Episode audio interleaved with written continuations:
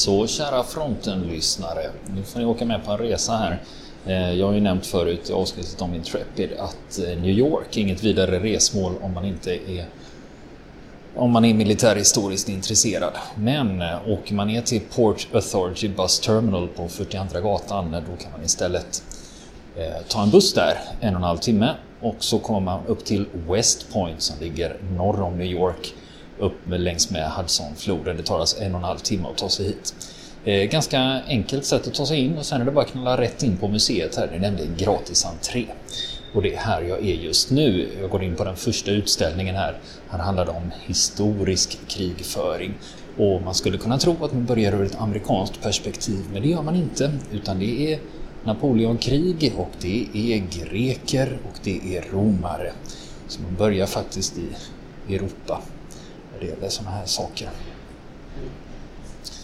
Men det jag framförallt är intresserad av här det är ju de amerikanska artefakterna som de har samlat på sig. Och framförallt är det ju 1900-talets konflikter jag är intresserad av. Här har de en liten monter om Fredrik den store bland annat. Beskriver några av de slagen, bland annat har man någon form av vad heter de? Krevadkarbin heter de. Den är från mitten av 1700-talet en holländsk eh, granatkastare kallar de det. Ser ut som en krevadkarbin, det vet ni hur den ser ut. Annars får ni googla på det. Och här har man ju då koncentrerat sig lite kring Napoleon och det som är intressant, man har en oljemålning i montern. Sen lite bilder från eh, eh lite olika krigshärdar. Men det som är intressant här, det är ett svärd som faktiskt har tillhört Napoleon den första. Det står att det här guld och silversvärdet var Napoleons personliga egendom och han hade det när han var förste konsul. Och eh, precis innan han dog så skrev han in i sitt testamente att hans son skulle ha det här svärdet. Till slut så blev det egendom av, eh, det gick i arv ner till Napoleon den Napoleon. Alltså hans son Eh, och sen gick den vidare till hans son i sin tur, Napoleon den tredje. Och sen blev det franska statens egendom. Men 1945 då fick general Dwight Eisenhower det här svärdet som gåva av general Charles de Gaulle. Det var inte dåligt. Och sen har det hamnat här på West Point så det är intressanta artefakter. Och det som är intressant är framförallt att veta dels historien om dem men sen också hur de faktiskt har hamnat på det här museet. Dessutom har vi två pistoler här som har tillhört Napoleon. Eh, kaliber 48. Ska vi se hur de hamnar här? Ja, det stod inte vidare hur de där pistolerna faktiskt hade kommit hit för det är ofta de sakerna som är intressanta. Det är ju lite det som är intressant att man faktiskt har koncentrerat sig på lite andra saker än bara amerikanska saker. Men det är här grejerna hamnar. Här eller Smithsonian när de har kommit över grejer. Här har de dessutom en liten utställning om slaget vid Breitenfeld. Med en karta med lite skisser och dessutom en liten miniatyrmodell som ska visa hur det här slaget eh, gick till 17 september 1631. Det står att det var det första stora slaget när man använde sig av modern taktik och det var under 30-åriga kriget. Sen hänger det mycket vapen här från 1600 och 1700-talen. Inklusive lite gamla, sen också 1500-talet, ett eh, armborst från 1300-talet som man kunde veva upp i medeltid. Och sen om de går ännu längre tillbaka i tiden så har man en egyptisk stridsyxa här som är från 2000 år före Kristus. Ja, det är ju inte moderna grejer på långa vägar kan vi säga. Det var så man förde krig för 4000 år sedan då. Sen har vi också persisk eh, dolk. Och ett eh, yxhuvud och även ett svärdspets och det är från 900 före Kristus. Så är man även intresserad av den typen av artefakter så finns det faktiskt på plats här också. De går ju igenom hela historien här, hela krigshistorien från början till slut i ganska korta ordalag. Men nu börjar vi komma in på 1800-talet och då började det dyka upp lite revolvrar och grejer. Bland annat en Colt Texas Modern Revolver kaliber 36. Nu börjar vi närma oss Civil War, det vill säga det amerikanska inbördeskriget. Sen för oss svenskar så känner vi till John Ericsson och USS Monitor. Här har man en, eh, faktiskt en plåt ifrån just den båten. Den här sektionen av plåten tros komma från däcket nära fören och eh, det har en skada i sig, det är lite sprucket. Och den här sprickan ska då komma när den blev rammad av CSS Virginia. Man tog bort den här plåten och satte tillbaka en ny när skeppet reparerades på Washington Navy Yard under hösten 1862 så satte man dit den här. Och det är ju sådana här grejer som är roliga med museer. Det kanske inte... Det, här, det hänger en plåtbit med, med, med hål i här. Men det är först när man berättar historien och känner till historien runt omkring som det är intressant. Sen kommer vi in här, ska vi se från 1895. Här har vi en Maxim Nordenfelt, en kulspruta kaliber 303. Det är nu vi börjar komma in på den typen av modern krigföring. Det är nu det börjar förändras. Och här kommer vi till första världskriget. Här har de en monter, de ställer ut flera olika saker. Fransk armérevolver, en brittisk Webley-revolver och eh, även Colten då, Colt Government modell 1911 kaliber 45. Och den används ju fortfarande. Det är alltså ett vapen som är 105 år och som fortfarande förekommer i flera olika förband. Här hänger en hel del intressanta karbiner också. Tysk karbin och de, alla karbinerna är försedda med eh, korrekta bajonetter. Tysk karbin modell 98A 8 mm. Österrikisk modell 1895 8 mm också. Och sen kom ett Lee Enfield Mark 3 kaliber 303. Och sen har vi ett eh, amerikanskt gevär. Modell 1917. Och dessutom en fransk Chauchat. Eh, alltså det är en lätt kulspruta från 1915. Det här är inte dåliga grejer, skulle jag säga. Det här är något jag är grymt imponerad över. Vi ska även titta, de har även dessutom en fransk hjälm med ett stort hål i. Det är den franska Adrian-hjälmen som det kallas.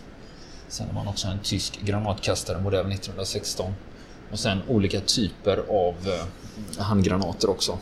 Men det som är intressant med det här det är att eh, man har också en liten samling här med vad man hade när man slogs i... Det är alltså närstridsvapen här. Det är typ klubbor. Eh, här har vi en klubba, det ser ut som något som Negan skulle kunna ha. Eh, Negan är en skurk i Walking Dead. Här har vi en träklubba med lindad med taggtråd. Och dessutom något som ser ut som en stor påle med massa spetsar på. Lite olika typer av dolkar. Dolkar med knogjärn. Och eh, dessutom en eh, amerikansk... Eh, det är en spegel. Man fäster den längst fram på en bajonett och ska man hålla upp den och titta över krönet. Sen är de lite om flyg här också under första världskriget. Jag är helt ensam på den här avdelningen. Det är därför jag kan gå omkring och prata så här helt ostört. Ta hur mycket bilder jag vill. Fantastiskt. Och det här är lite speciellt för det är nämligen Veterans Day idag. Det är den 11 november så till exempel bankerna har stängt och man har en stor parad nere i New York City som jag tyvärr missar. Men eh, jag valde att åka hit istället. De ska inte ha några aktiviteter här nu den idag utan de har samlat ihop det här till på söndag. Då ska det hända massa grejer. Sen när vi har första världskriget så har vi eh, en monter som handlar om kommunikation. Och eh, det är framförallt det är lite telefoner och flaggor också som hade signalflaggor som man hade mellan de olika förbanden. Och det var amerikanska armén som hade med sig det, står det här. Också en unik metod med kommunikation det var att man hade en artilleriprojektil som man skulle köra. Man skulle skjuta den från fronten och bakåt. Och eh, den hade en liten explosions... Eh, den hade en liten laddning. Som eh, när den var uppe i luften då skulle den laddningen smälla till och eh, ett rör med ett medlande skulle då eh, falla ner. Ja, det är en lustig lösning. Sen har man även olika typer av eh, kroppsbepansring här. Men, eh, och sen kommer vi också till de uniformerna som användes eh, under första världskriget i det här året. tyska uniformer, det är brittiska uniformer, turkiska kavalleriet, italienska armén och franska artilleriet. Också intressant att se. Så det här är ju riktiga uniformer. Det här är ju inte några nya grejer utan eh, det här är ju äkta vara. Sen har vi en monter också som handlar om den kemiska krigföringen. Blandat med en flera olika typer av gasmasker och även bilder på gasanfall. Här har vi även en äkta gasflaska som har använts. Och eh, när man pratar om krigföring så är ju den här delen, just den kemiska krigföringen under första världskriget, är ju inte vacker. Och krig är aldrig vackert i och för sig, men just den här typen av skador som man hade där var inte så bra. Här har man dessutom ställt ut amerikanska gasflaskor som man hade eh, och släppt ut giftgas ur. De här är ju från eh, därifrån och de har ju använts. Här har vi en liten handgranat också som man hade för att sprida tårgas. Och det får man inte glömma att tårgas är ju faktiskt också ett kemiskt stridsmedel. Det man inte får glömma. Även om det inte ger permanenta skador. Vi vet flera av våra lyssnare som faktiskt har varit eh, utsatta för det här. Nu kommer jag in i en annan avdelning. Nu handlar vi om andra världskriget. Och jag vet att majoriteten av våra lyssnare, det är ju den konflikten de framförallt är intresserade av. Och här har vi bland annat eh, tyska grejer. Det är en tysk flygarblus som den kallas. Och sen också olika typer av mössor från Luftwaffe. Och det här montern handlar då om blitzkriget. Och här kommer även en eh, litet diorama med invasionen av Ryssland 1941, Operation Barbarossa. Flera av er känner till. Sen har vi en monter dedikerad till olika hjälmar. Dels har vi ska vi se, tysk, holländsk, Sovjet, norsk, Belgien, grekiska armén, kanadensiska och japanska. Och vi får inte glömma att alla hjälmar som hänger här, det är äkta vara. Det är inget nytillverkat. Det är riktiga grejer. Det är ju det som gör den här, den här typen av museer intressanta. Sen har vi en väldigt intressant monter, framförallt om man har samma typer av intressen som jag har. För här har vi en hel monter som tillägnas glidflygare och eh, luftlandsatta trupper. Man har hjälmar från de tyska de tyska fallskärmsjägarna, de italienska fallskärmsjägarna, de brittiska fallskärmsjägare. Och så har vi ett japanskt paratrooper-gevär. Här har vi en riktig jacka från de luftburna amerikanska trupperna. Det är 82 luftburna, All American som de kallas. Gavin heter han som har burit den. Vi ser det mera general. Här ligger också hans eh, pistol i hölster och i combat knife och det är en, ser ut som en K-bar. Sen har vi också tyskarnas eh, maskingevär. Eh, alltså deras eh, fallskärmsjägarnas. Det är Paratrooper FG 42 står det. Det är ju ganska kort, det är inte det här långa utan det har ungefär längden av en meter. Så det är ju nästan lite mer åt automatkarbinshållet skulle man kunna säga. Det ser ut som det är fällbar stock på den också, att man går att skjuta in och ut. Och sen också har vi en M1-karbin då med infällbar stock. Den var ju inte, var ju inte ovanlig bland de amerikanska fallskärmstrupperna. Sen har vi också en trench knife med knogjärn. Sen har vi inte bara luftlandsatta trupper, vi har också amfibietrupperna. Som ställer ut lite här. Här har de en liten monter om det med en invasionsväst och det är sådana väster, västar som eh, amfibieförbanden hade när de tog sig i land. Dessutom har vi en oh, en Johnson lätt kulspruta. Eh, US Johnson Light Machine Gun 1941 kaliber 30. Och eh, då undrar ni varför jag hajar till när jag hör talas om den. Jo, det är nämligen så att för oss eh, svenskar så förekommer den i ett eh, speciellt drama. Det är Sjöwall Wahlöö-boken Mannen på taket. Han är beväpnad med en Johnson-kulspruta. Så nu vet ni det. Här har vi dessutom föremål från eh, amerikanska bombflyget. Vi har ett bombsikte. Ska vi se vad den har suttit i. Ja, det står faktiskt inte. Sen har vi också en riktig flyg, flygarjacka då från en person i en bombplans, amerikansk bombplansbesättning. Han, eh, Reginald H. Thayer Jr. Han var bombfällare på 97 bombgruppen. Den här jackan är lite speciell också. För under ett uppdrag den 18 september 43 nära Salerno. Då hade de den här jackan för att stoppa blödningen. För eh, det, mitt i planet hade de en eh, kulspruteskytt och han blev skadad. Och då hade man den här jackan för att stoppa blödningen. Så det ska finnas blodfläckar på det från den midskeppsskytten. Här är den äkta säkringspluggen från atombomben som fälldes, på, fälldes över Nagasaki 9 augusti 1945. Det var så att man hade ju säkrat bomben och med olika med, med alltså, dummipluggar, de var ju inte skarpa, de var gröna de här. Så sen under flygturen så lyfte man ur de här pluggarna och satte i röda istället. Och det här är alltså den autentiska, en av de autentiska pluggarna som satt i bomben som fälldes över Nagasaki. Fatman hette ju den bomben som fälldes över Nagasaki. Den smällde ju 1700 fot över Nagasaki den 9 augusti 1945. Och här har vi alltså säkerhetspluggen som satt i den bomben. Sen fortsätter man med flera grejer här om andra världskriget och det var en sovjetisk eh, Tank Machine Gun från 1944. DTM. Degtyarev hette den efter designen.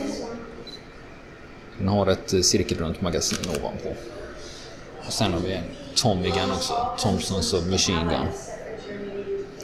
Och det här är inte vilket, vilken Tommy Gun som helst utan den här har faktiskt ägts av General George Patton Jr. För, det, för en, en Tommy Gun, en Thompson, de var ju inte ovanliga under kriget. Men nu kommer vi till några artefakter som är mycket speciella ur ett historiskt perspektiv. Här har vi en guldfärgad automatpistol som är ganska liten. Det är 32 kalibers automatpistol. Den är gjord av August Mentz Company i Sol i Tyskland.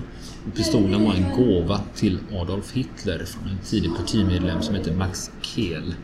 Och det här fick han alltså någon gång innan andra världskriget. Under den amerikanska ockupationen av München 1445 så var det en amerikansk sergeant som hittade pistolen och andra saker som tillhörde Hitler i Fourbau. En eh, offentlig byggnad, alltså en myndighetsbyggnad.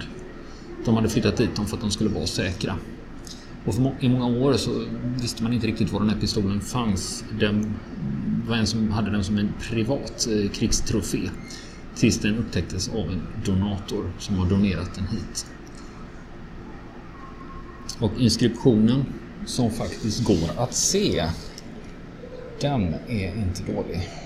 Skulle säga jag kan fota den. Det står på tyska. De har en översättning men jag föredrar faktiskt att läsa det på tyska. Och den här pistolen är då den är guld.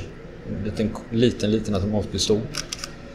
Och den är dessutom försedd med ett eh, magasin, också guldfärgat, och en liten viska för att göra rent pipan. Sen har vi också andra artefakter som man har tagit. Jag vet om att min kollega Niklas Ennerteg, han är, är väldigt, väldigt förtjust i...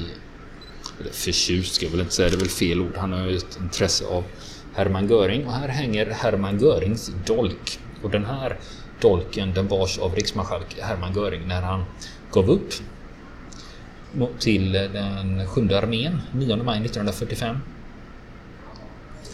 Inskriptionen på den är runskrift som, är ett som det står att det är ett gammalt skandinaviskt språk och eh, översätter man det så betyder det från Erik till Herman. Och det är inte vem som helst den här Erik utan det är Erik greve Erik von Rosen från Sverige. Och han var ju broder till Görings första fru Karin Så den här har alltså getts av greve Erik von Rosen till Hermann Göring.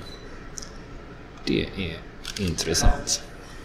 Sen dessutom har vi gästboken från Karin Hall. Den togs eh, maj 1945 av 101 luftburna 101 Airborne Division och det var de som lämnade över den till West Point museet. Det skulle ju vara den boken skulle jag verkligen vilja bläddra i. Tyvärr sitter den bakom en monter här. Och sen har vi också Hermann Görings marskalkstav. Ska vi se hur de fick tag på den då. Jo, han lämnade över den till sjunde, amerikanska sjunde armén 9 maj 1945. Och det var generallöjtnant Alexander Patch som tog den till West Point Museum. Det var hans fru som föreslog att man skulle lämna hit den. Och här har vi också Hermann Görings revolver i kaliber 38. Och eh, det är inte en tysk pistol utan Hermann Göring hade gått och köpt sig en 38 kalibers amerikansk Smith Wesson revolver innan kriget. Den lämnade han också ifrån sig när han greps 9 maj 1945. Och eh, här finns en av fyra kopior. När japanerna gav upp så undertecknade de ett dokument här. Och eh, här, har det, här är alltså de riktiga namnteckningarna på det. Jag vet en person som kommer att vara väldigt intresserad av de här bilderna som jag tar just nu på det här dokumentet. Det är nämligen Tomiyuki Yamashita och Tenichi Okochi som har skrivit på de här handlingarna att Japan ger upp. Och dessutom är det undertecknat av Edmund Levy, generalmajor i USA. Och här har vi också pennan som användes för att underteckna avtalet. Sen finns det en annan intressant artefakt här och det är general Yamashitas svärd. Den 2 september 45, general Tomiyuki Yamashita som eh, basade för de japanska trupperna i Filippinerna. När han gav upp så lämnade han ifrån sig det här svärdet. Och det här svärdsklingan, den var gjord av Fujiwara Kanega mellan 1640 och 1680. Detta är alltså Yamashitas svärd som hänger här på museet idag. Och det är den här typen av historiska artefakter som är fantastiska att få se. Tiden bara går när jag går omkring och tittar här. Oj, här hänger en gammal bekant. Eh, ja, de flesta av er eh, lyssnare ni känner ju till eh, 45B. Och eh, här hänger den faktiskt. Det är en egyptisk Port Said Submachine Gun från 1967 och det är 9 mm. Och det roliga är som svensk, man känner igen den här k-pisten på lång väg alltså. Även om det är en egyptisk k-pist alltså som är byggd efter... Det var inte bara Egypten som licenstillverkade k-pisten, även amerikanska tillverkare gjorde ju det. För eh, det var ju vissa amerikanska specialförband i Vietnam som hade med sig k-pisten men sen blev det ju ett embargo då som man vägrade sälja och då tillverkar man sådana själva i USA. Sen har vi ett Galil. Ett israeliskt Galil-gevär. Nu ska vi se, 556. Det är ganska gammalt. Sen kan det vara så här också. Ett exempel på eh, om man inte har eh, så mycket utrustning så kan man tillverka själv. Här har man ett exempel på en eh, Eh, ett raketgevär som Vietcong har tillverkat själva. Inte dåligt. Sen har vi lite saker från Vietnamkriget här. Det verkar inte vara överdrivet mycket sånt. Från Koreakriget, en nordkoreansk keps är det. Det man kallar för limited war. Här har vi också en keps från eh, första bataljonen i första infanteriregementet. Är inte det de man kallar för Big Red One om jag inte har helt fel? Kolla upp det så det inte blir fel. Ja, när ni ska hit så ta er tid och gå omkring och titta för det finns en hel del att titta på. Speciellt om man är historiskt intresserad då kan man lätt stanna i en monter i en halvtimme och bara stå och titta på detaljer och titta på grejer. Men det är ju framförallt eh, troféerna. Trofésamlingen här som är helt outstanding. Det går inte att hitta något liknande som är samlat på samma ställe. Nu lämnar vi den här avdelningen. Jag har bara varit på en avdelning alltså. Och nästa vecka fortsätter vi vårt besök på West Point Museum. Vill ni komma i kontakt med oss så kan ni göra det via vår Facebook-sida som heter Fronten. Det är inga problem för er att leta er fram där. Eller också så mejlar ni på vår mejladress och det är frontenpodcastgmail.com